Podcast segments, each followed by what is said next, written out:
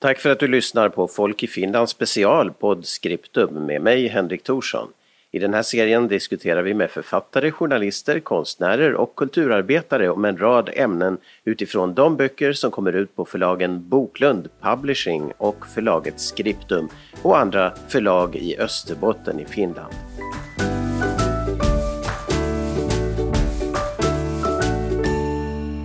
Välkomna! I det här avsnittet så ska vi prata vidare om det stora landet i väster. Eh, vi har som tidigare äran att få ha med oss eh, våran specialkunnige gäst och författare till eh, boken om Trump, nämligen Klaus Stolpe. Välkommen med igen! Tack, tack, tack, tack! Eh, boken som ju finns på boklund.fi som kom ut före jul. Men jag tänkte först Klaus bara lite grann allmänt. Eh, du är ju doktor två gånger och både statskunskap heter det, eller statsvetenskap i Sverige då, och, och historia också. Det här med att forska om historia, är det liksom är det, man läser vad som har hänt och så skriver man det, eller vad är den där grejen med, med historia? Ja, ja, alltså historia är ju någonting som ändå fascinerar många människor, att hur, det, hur saker och ting har gått, mm. gått till förr i, för, förr i världen och sedan så blir det ju ofta lätt en mytbildning kring saker och ting. Att det fanns en kar som, var, som hette Leopold von Ranke som var professor i Berlin väldigt oerhört länge under 1800-talet. Han var han var ju det här, han kom ju med någonting revolutionerande att historia ska vara hur blir det när jag är dålig på tyska, men vi är eigentlich gewesen, alltså att man faktiskt skulle berätta hur, vad som har hänt, att det skulle, mm. historien skulle inte gå, gå ut på att liksom äh, förklara bra kungar man har haft eller kejsare eller någonting sånt utan faktiskt berätta hur, hur saker och ting har förhållit sig. Det är ja. ganska intressant om, okay. det, om det var då någonting revolutionerande men å andra sidan så finns det väl en och annan som man skulle kunna upplysa det där om idag du kan sätta dig ner och diskutera inbördeskriget 1918 och så får du till stånd ett, ett, en oerhörd konflikt redan med vad man ska kalla den där händelsen. Att, att är det, är det liksom mm. frihetskrig eller inbördeskrig eller brödrakrig eller 1918 års händelser eller, eller, eller någonting annat. Men att det är ju det här en, en väldigt grannlaga uppgift naturligtvis för att eh, se till så att det blir, blir rätt och, och det här mm. då, då är ju frågan ifall man har tillgång till liksom primärkällor eller sekundärkällor, typ mm. dagböcker eller brev eller någonting annat och så istället för att behöva tol tolka in desto mera så att det, det är ett petigt jobb helt enkelt. Men du har ju själv skrivit också om eh, det där kriget som vi inte vet vad vi ska kalla det, eh, eller hur? Jo precis, jag, jag, jag har ju alltså skrivit en, en bok som kom kom för några år sedan också den vid Skriptum då som heter Det stora kriget. Och eh, Det stora kriget 1914 till 1918 det syftar ju på första världskriget. Och titeln så är ju lite provokativ. Det handlar ju inte om att jag skulle tycka att första världskriget var speciellt kul cool, om vi uttrycker saken milt. Men i, det kallades ju för det stora kriget innan man kom på att det kommer att komma fler världskrig så man var tvungen att börja numrera dem. Jag inleder den boken med att berätta om Finlands väg till, till självständighet och använda min anteckningar från min farfar och, och, och, och sånt för att liksom gå från den lilla historien, den lilla berättelsen till den stora eller hur vi ska mm. kalla det. Där så tar jag också upp de där, de där benämningarna själv så tycker jag ju att inbördeskriget så är en, det är ingen kontroversiell benämning för mig utan jag tycker att det, det är ju det som det handlar om för att i, i första hand så var det ju finländare som stred mot varandra. Okej, där fanns det en del ryska trupper på den röda sidan och så småningom så landsteg tyskarna med en hel del, en hel del manskap eh, på, och ställde upp på den vita sidan och det, mm. det förkortade det där kriget till all lycka men att jag tycker att inbördeskrig är en, en det är ingen kontroversiell benämning för min del men att eh, mm. jag vet att andra, andra vill kalla det någonting annat.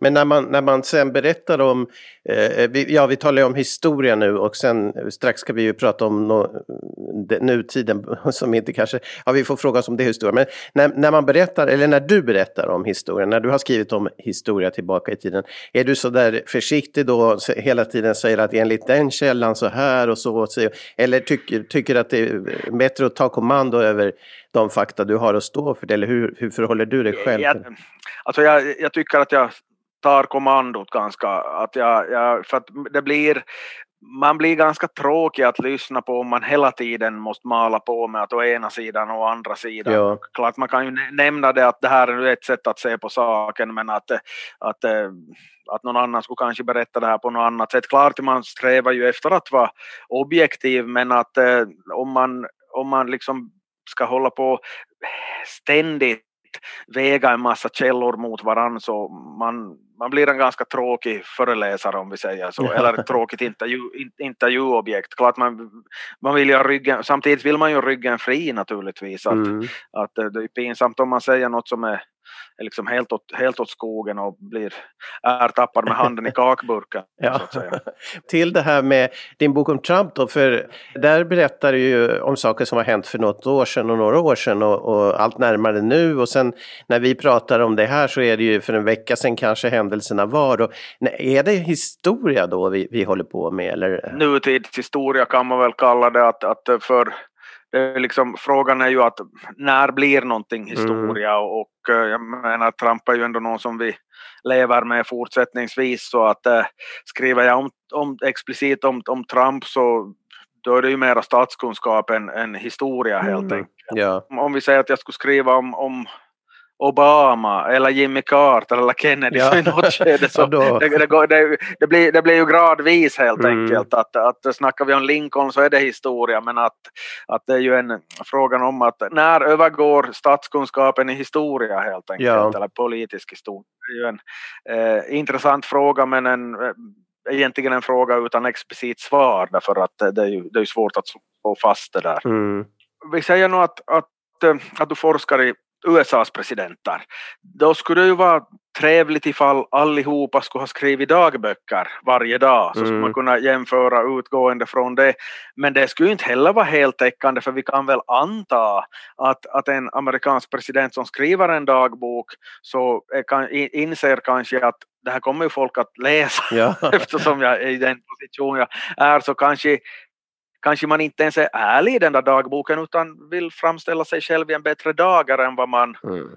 Eh, men liksom vad man, vad, man, vad man är helt enkelt. Att, eh, jag menar om Nixon skrev dagbok så kanske han nu skulle ha låtit bli att nämna vissa saker om vi säger så. Mm. Plus att, att, eh, att det finns ju, finns ju en del presidenter som, det, alltså som har bränt sina liksom, dokument och de har flyttat ja. ut från Vita huset det finns väldigt, finns väldigt lite kvar helt enkelt. Mm. Vilket, ju, vilket ju är väldigt synd. Mm. Men, men vi har ju en aspekt av det här när vi pratar om eh, eh, vad ska man säga, historia överlag egentligen, att det finns den här populära aspekten som den som håller på med kvantfysik eller möjligtvis då plötsligt är den där populära aspekten inte lika. Du är en god berättare Klaus och du har nytta av det när du pratar om historia för det är någon slags folkligt och, och, och publikt och så här. Alltså det, det, det, är ju en problematik naturligtvis därför att, att man, vill ju, man vill ju vara underhållande men om det där liksom populärvetenskapliga det där underhållningsvärdet ska ta över så, så kan vi frestas ju folk liksom vara väldigt slappa med källkritiken och allt sånt och det blir eh, risk att det blir ganska mycket tyckande och, och, och, en författare kanske tycker att nu ska vi vända allt på, på huvudet här och, och mm. men att det, det, är ju klart att det är ju en inbyggd problematik där för att eh, att det ser, du nämnde bra paralleller där till kvantfysik och allt sånt för att det är ju då kanske inte så superintressant för den stora allmänheten därför att vi förstår ingenting av mm. det. Skulle säga jag och mina kollegor så förekommer ju mer i massmedia än de, om vi nu ser, ser mm, ur ett och akademiperspektiv så vi är ju oftare i tidningar och tv och radio och sånt än vad många annan är och det betyder ju inte att det som vi gör skulle vara viktigare än vad någon annan gör men att eh, jag menar är det ett kommunalval så förväntas man ställa upp och kommentera det då och, ja. och sen någon annan gång i mitt fall så är det ju ganska långt fokuserat kring, kring USA ibland. Men att snart är det ju kommunalval så då är det det som jag får, får det här uttala mig om ifall jag har något att komma med och så vidare. Mm. Så att vi, menar, är du på ett, är du verksam inom ett sånt här ska vi kalla det samhälls, väldigt konkret samhällsrelaterat, samhällsorienterat ämne så, så det är klart att då får du ju per automatiken mm ett kortare avstånd till, till, till, till, den breda massan helt enkelt. De, de till och med förstår vad du, vad du talar om. Eh, problemet här är ju att eh, mm, hur ska jag säga det, det blir cyniskt, men att jag upplever ibland att, att min kompetens så, så bedöms av huruvida jag skriver under på vad folk tycker eller inte. Mm -hmm. Det kan vara att någon tar kontakt och säger att visst är det så att. Aha. Media också menar du? Eh, ja, men i det här fallet syftar jag nu mest på, på, på allmänheten. Alltså ja, att, mm. att man liksom förväntar... Jag, jag, kan ta ett exempel, ett konkret exempel. Att, att, att eh, jag var med i en webbsändning från Vasabladet, alltså lokaltidningen här i, i svenska Österbotten, efter kommunalvalet för fyra år sedan, 2017. Mm. Och så var det någon karl som tog, tog kontakt och, och, och frågade att, att varför jag är, om jag är för en, eh, en kommunsammanslagning mellan Vasa och Korsholm. Jag sa att nej men alltså det har jag ju inte jag har ju inte som sagt någonting och den här personen hävdar då att ja men att det är ju bara att, att, att se på det där programmet som, för att det finns ju på webben så, så, så men alltså, jag tänker inte att kolla ett, ett, ett liksom 16 minuters program men att, att om du säger var jag har liksom uttalat mig för en kommunsammanslagning så mm. för att det måste vara något missförstånd för jag, sen kröp det ju fram att den där kan var alltså väldigt emot en kommunsammanslagning och tyckte att det var min plikt att jag borde ha tagit upp ah. det. Och då, men då, då, är vi ju, då är vi ju på en helt, helt annan problematik. Alltså, men, men alltså även att det skulle vara jag skulle framstå som en idiot om jag skulle, vara, om jag skulle stå där och börja att ja, vad tycker om resultatet från kommunalvalet och så ska jag säga då att nej men jag tycker att, att eh, kommunsammanslagningar är dåliga, mm. att, att det var ju liksom inte min, det var inte min uppgift. Nej precis, ja. ja där, där har man, då är det den här statskunskapsexperten som inte ska, ja helt enkelt ska vara objektiv också så att inte... Ja, ja men, men, men precis och, och jag menar man måste ju fundera liksom vad som diskuteras för tillfälle och, och, och, och, så vidare så att man kan råka ut för lite konstiga saker ibland eller det, det sker, jag ska väl inte säga att det sker ofta men att med, med jämna mellanrum så, så ja. kan folk störa sig på vad man, vad man säger på grunder som är, är alltså kan vara synnerligen, känns synnerligen konstiga. Mm, ja, intressant. Ja, men vi, kan, vi ska återkomma längre fram till det här med berättande och att vara en berättare när det gäller vetenskap och populärvetenskap. Eh, men nu tänkte jag, nu ska vi gå in på det här eh, ämnet som vi har och det är ju fortfarande efterskvalpet av Donald Trumps presidenttid i USA och den bok du skrev om Trump och eh, där du jämförde honom med andra presidenter och så vidare och Trump och hans tid och, som kom ut här på eh, eh, Skripten förlag i, och finns på boklund.fi då att och i bokhandel att hitta. Mm. När vi pratade senast då förutspådde du att eh, den här riksrättsprocessen skulle eh, helt enkelt eh, falla i senaten. Det var nästan mm. omöjligt och det var också det som hände så eh, i princip har det motsvarat vad du sa eh, och tänkte dig nog? Eller? jo, jo, jo, men att de flesta så de flesta som intresserar sig för, för sådana här grejer så, så var ju nog av samma åsikt mm. så att det var ju ingen, eh, ingen kvalificerad gissning på det viset. Mm. För att eh, om vi nu tar och repeterar så att, att det krävs ju två tredjedelar i senaten för en, en fällande dom, det vill säga 67 stycken och då är de 50-50 för tillfället så det betyder ju att det skulle vara 17, 17 republikaner som skulle så att säga ha bytt sida ja. och nu var det 7 så det fattades ju ändå, ändå 10 så att, eh, ja, så att det var ju inte ens, ens i närheten. Men, men det att, faktum att, att sju stycken då eh, gick emot. Eh, hur, hur, stort är det? Hur, hur märkvärdigt är det skulle du säga? No, nu, är det ju, nu är det ju ganska för att, att, att då, då Trump blev ställd inför riksrätt första gången så då var ju styrkeförhållanden annorlunda. Då var ju republikanerna starkare och hade en majoritet på 53 mot 47 mm. och då väckte det ju uppmärksamhet för att Mitt Romney röstade med Demokraterna så att det blev 52-48, att det var ju som den där stora grejen då mm. att, att en en helt enkelt rösta med motståndarna. Och, eh, och det här, nu är det ju sju stycken så att det visar ju nog på att, att, eh, att eh, det är liksom för allt fler har blivit så här att enough is enough helt enkelt för att man kan ju ställa sig den här frågan att, att om Trump hade hållit låg profil No, det är ju inte någonting som man förknippar med. Skulle Kapitolium ha stormats och uh, det får ju vem som helst, eh, det kan vi ju inte veta men, men jag tror väl att, att det inte skulle ha blivit så. Eh, betyder det då att han är skyldig till det? Ja, tja. Men, men, men nu är det ju ändå då så att, att den här grundlagen så är som den är, att den är, det är liksom politikerna som ska bestämma det där om ett riksrättsåtal att det är inte liksom högsta domstolen eller någon, någon specialjury eller något, något, något sånt. Och, och det där är ju en annan grej som, som folk har förundrat sig över och som jag har fått en del frågor om att, att fasen, om det nu en gång är riksrätt att, att varför är det då liksom politiker som ska besluta om det? Det där så är ju förstås en, en högst relevant fråga men mm.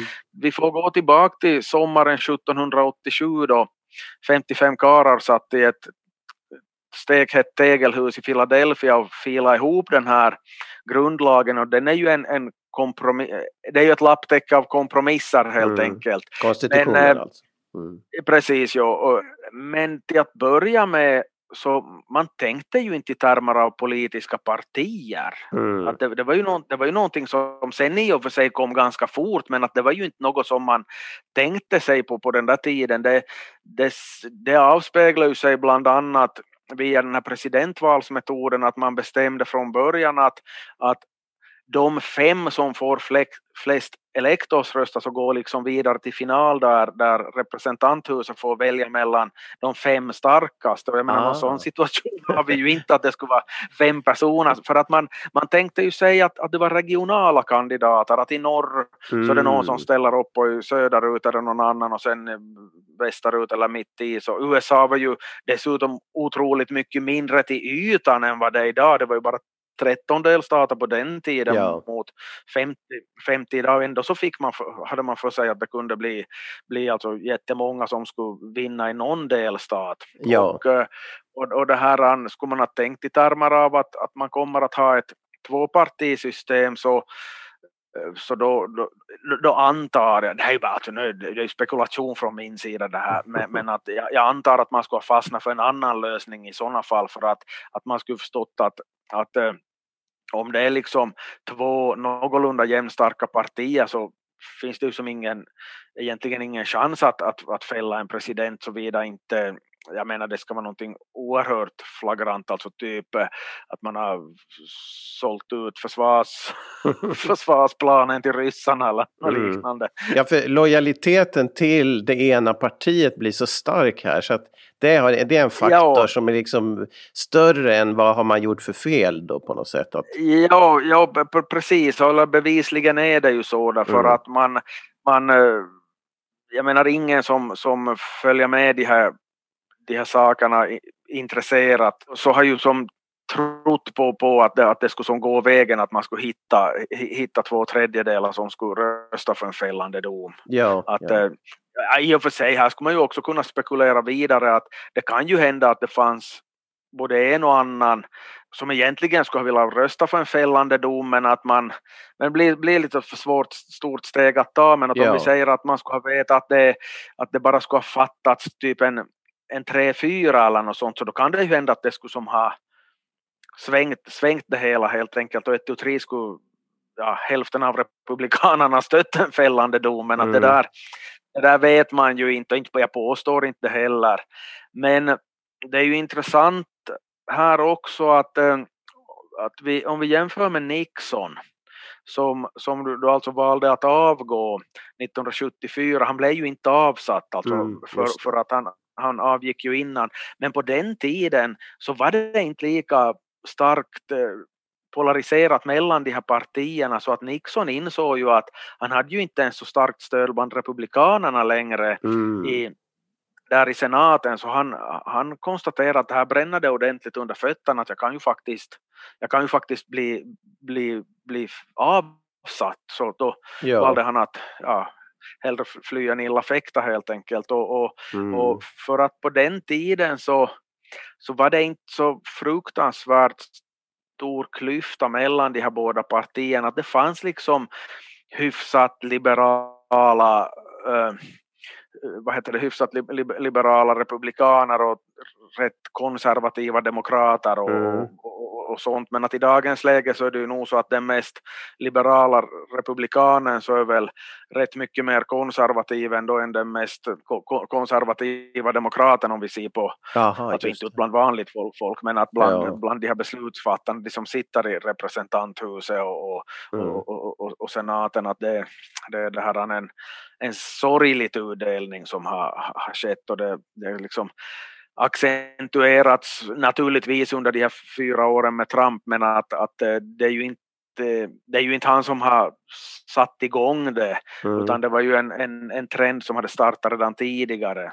Men, men att för Trumps del så, eh, två gånger då en sån här riksrättsprocess, så han har ju klarat sig och han har ju klarat sig genom allt möjligt konstigt under de här åren, så, så det här har väl ingen påverkan på honom, hans nivå eller vad skulle du säga? Nej, alltså han, han ger ju sig aldrig med någonting. Han är ju, det är liksom all, allt rinner ju av honom så att mm. redan 2016 så, så berättade ju han att, att förlorar jag så beror det ju på på valfusk helt enkelt, ja. att det vet ju alla. Ja. Så att han har ju kört med den där stilen hela tiden mm. att, att han kan inte förlora, han kan inte ha fel, det är liksom resten av världen det, det är fel på i, i sådana fall. Mm. Så att det är ju ett ähm, det är ett ganska fascinerande beteende han har, eller ganska, det är ett väldigt fascinerande beteende men mm. än mer fascinerande är ju egentligen att det är så många som har ställt upp på det där. Ja, det är ju det och eh. som jag pratat om tidigare. Och han har ju eh, nästan halva befolkningen liksom fler röster än någonsin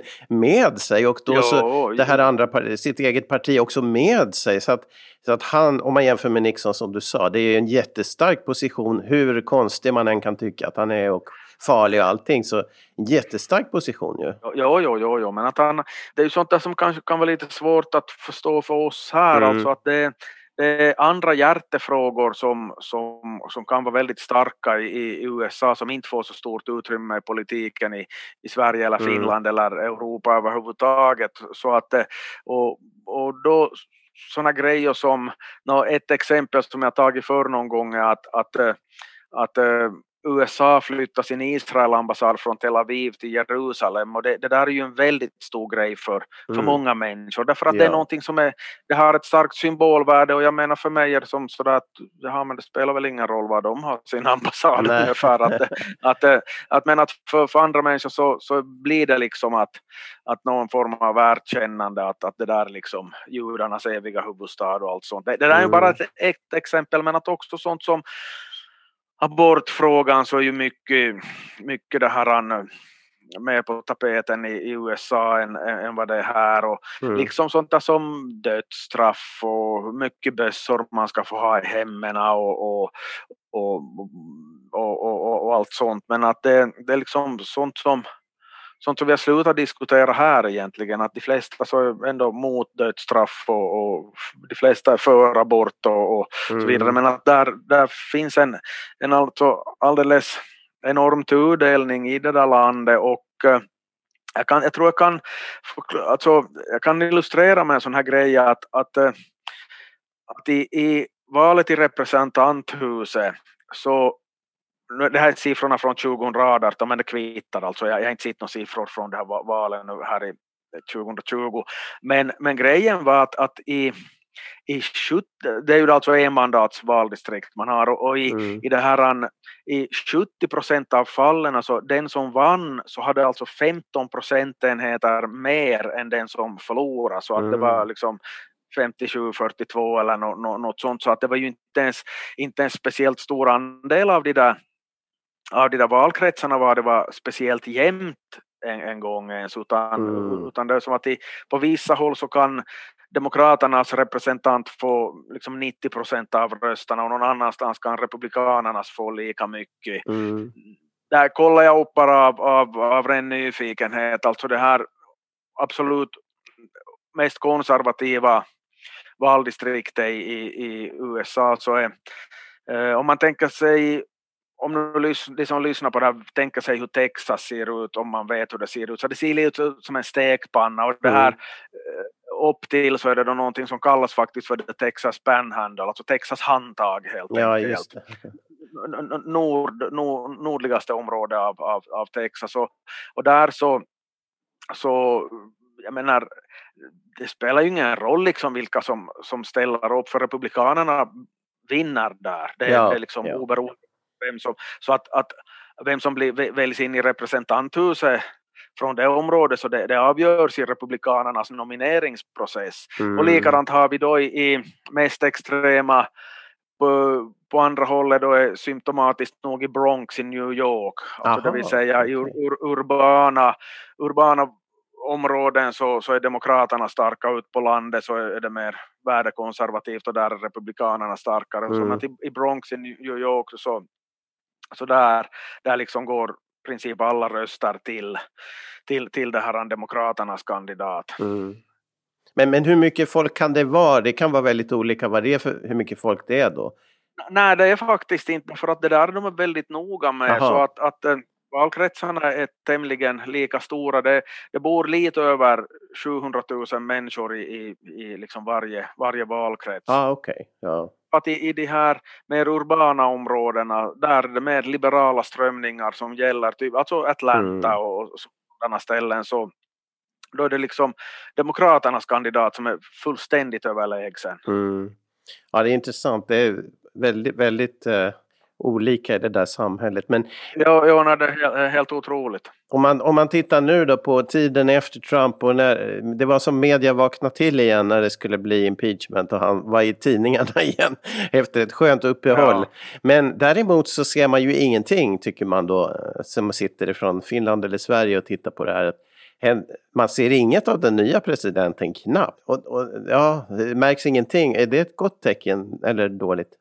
Kanske det är ett gott tecken på sätt och vis för att han, det betyder ju att han ju inte ställt till med några skandaler och eskapader mm. i all, alla fall. Att jag, jag ser ju då, vilket nog knappast lär chocka någon, så, så följer jag med då liksom på nätet och sen också alltså engelskspråkiga eller kanaler, jag tänkte säga amerikanska men jag tycker om att se på till exempel BBC. Ja precis, jättebra. Ja. Det här Fra, France 24, alltså en, engel, en fransk tv-kanal var de talar engelska ja, alltså. Okay. och, och jag menar där så, så, så så jag kan inte franska för, så, så att eh, det skulle inte vara så stor nytta av, av, av, det.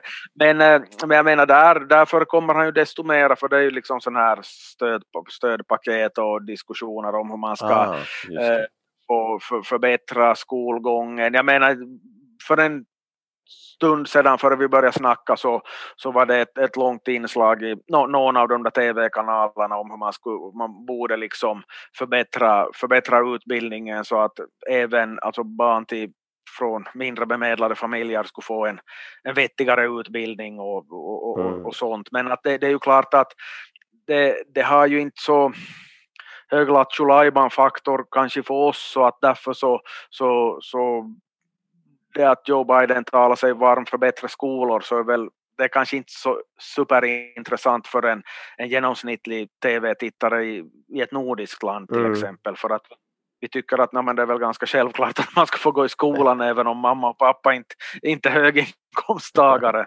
Så. Finns det en risk då att han, för vi vet ju hur Trump har lyckats med sina tweets och allt möjligt och sina konstiga kommentarer. Han har ju fått all, all, all, allt ljus på sig och nu eh, slarvar man med det eller är det ingen fara? Trots att man då kanske gör ett bra jobb där bakom kulisserna så borde de tänka mer på att synas mer tror du för sin framtid eller är det onödigt? Jag tror, jag, jag tror att, eh, att man gör klokt i att, att eh, liksom försöka visa någon form av utsträckt hand här, att försöka mm. samarbeta över partigränserna och sånt mm, och, och liksom strunta i den här populismen. Mm. Uh, lagom till nästa val kommer det ändå att braka loss i alla fall och då, då syftar jag ju inte på, på bara vad heter det, nästa presidentval utan det är ju så kallat midterm elections ja. uh, redan i november 2022 jag menar då kommer det ändå att bli, bli en massa debatter om än det ena än det andra därför att eh, det är ju så pass jämnt fördelat de här platserna både i senaten och representanthuset så att det kommer ju att bli oerhört spännande mm. mellanårsval 2022 så att vi, vi kommer nog att få se pajkastning tillräckligt i alla fall om man kommer så långt men att jag tror ju för egen tror personligen att det, det är klokt att, att liksom inte ha den här konfrontationslinjen som, som, eh, som Trump har hållit på med för jag tycker väl eh, genomsnittsamerikanen som vill väl liksom ha ett arbete att gå till och kunna sätta mat på bordet åt, åt sina barn och, och mm. liksom ha, lite, ha lite lugn och ro helt enkelt och inte hela tiden liksom ha konflikter om precis allting och, mm. och massa pajaskonstar var någon står och, står och dillar om att man kan använda rengöringsmedel mot, mot covid-19 eller något sånt här totalt bisarra, liksom att eh, ja. lugn och ro och en fungerande vardag så är väl till syvende och sist som nu människor vill ha. Ja, precis. Hoppas, så, hoppas, vi hoppas. Vi tycker det verkar, men det verkar lugn och ro. Och, eh, men frågan det här, hundra dagar brukar de prata om i Amerika ofta. De här första hundra dagarna. Och hur viktigt är det att de gör ett bra jobb de första hundra dagarna? Sen spelar det så stor roll. Så här. Var... Uh, Nå klart allt spelar roll, men att det, det, det är liksom vi kalla det smekmånaden är över efter hundra dagar brukar mm, man säga. Så och de där första hundra det är ju alltså lite, lite drygt tre månader så vi kan tala om från 20 januari och framåt så snackar vi om att valborg ungefär, då har det, då har det ju gått 100 dagar. Ja, ganska exakt. Och, och, och det här, då, då har kanske lite det här nyhetens behag försvunnit så att, eh, att de där 100 dagarna är ganska viktiga för att eh, liksom visa vad man går för var man står i olika frågor och huruvida man försöker vara diplomatisk gentemot politiska motståndare dels på det inrikespolitiska planet men också hur man profilerar sig internationellt. Att tar man parti liksom för ett visst land i någon konflikt, om det sen är i Mellanöstern eller, eller någon annanstans. Så att eh, efter hundra dagar så kan folk bilda sig en uppfattning att, att stämde mina förutfattade meningar om den här presidenten eller var han eller hon väldigt annorlunda och, och, och, och så vidare och så mm. vidare. Men eh, det kan jag ju säga att, att de här nu kanske man inte ska lita för mycket på de här siffrorna men att det finns ju sådana här approval ratings då man frågar helt enkelt av folk att tycker du att presidenten gör ett bra jobb? Mm. Det betyder ju inte att, att, det är ju inte samma fråga som att skulle du rösta på presidenten om det vore val idag? Det, det, Okej, okay, folk kanske ge samma svar oberoende men att det, mm. på frågan om huruvida presidenten gör ett bra jobb så, så Biden har ju bättre siffror mm. än vad Trump, Trump någonsin har haft helt enkelt. Okay. Mm.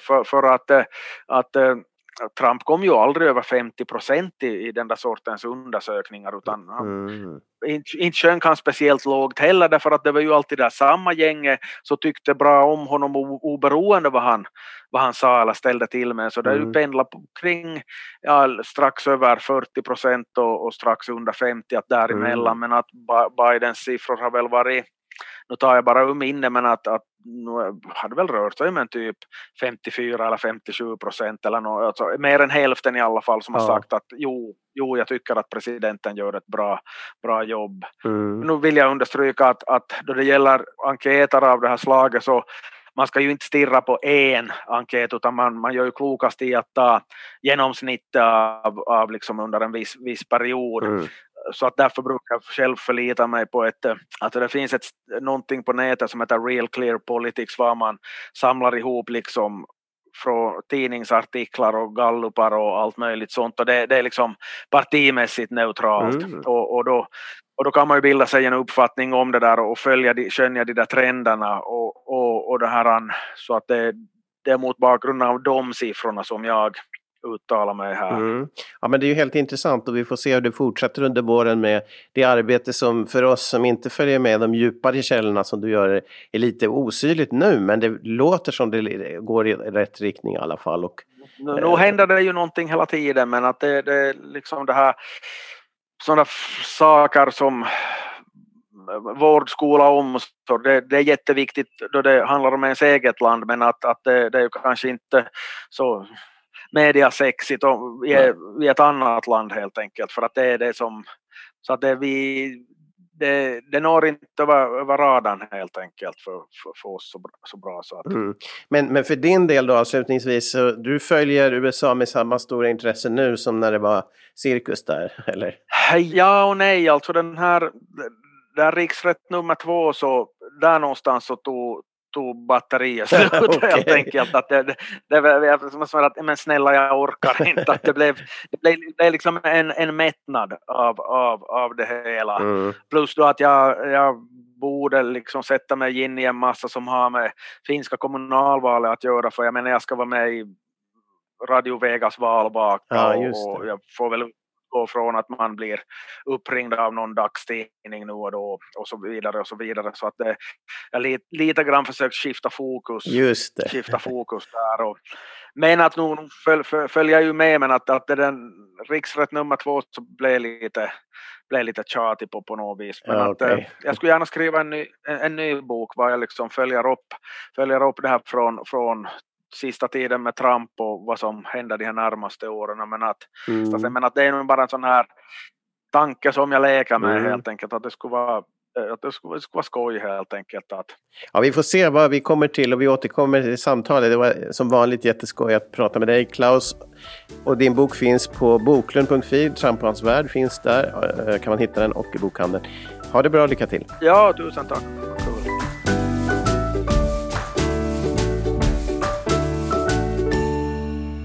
Du har lyssnat på Podscriptum, podcasten om böcker, författare och intressanta ämnen från förlaget Scriptum och förlaget Boklund Publishing i Österbotten i Finland. Du hittar fler program och andra podcastserier som du kan ladda ner på hemsidan totalmedia.com, total med th, totalmedia.com. Och du kan läsa om nya böcker på sidan skriptum.fi.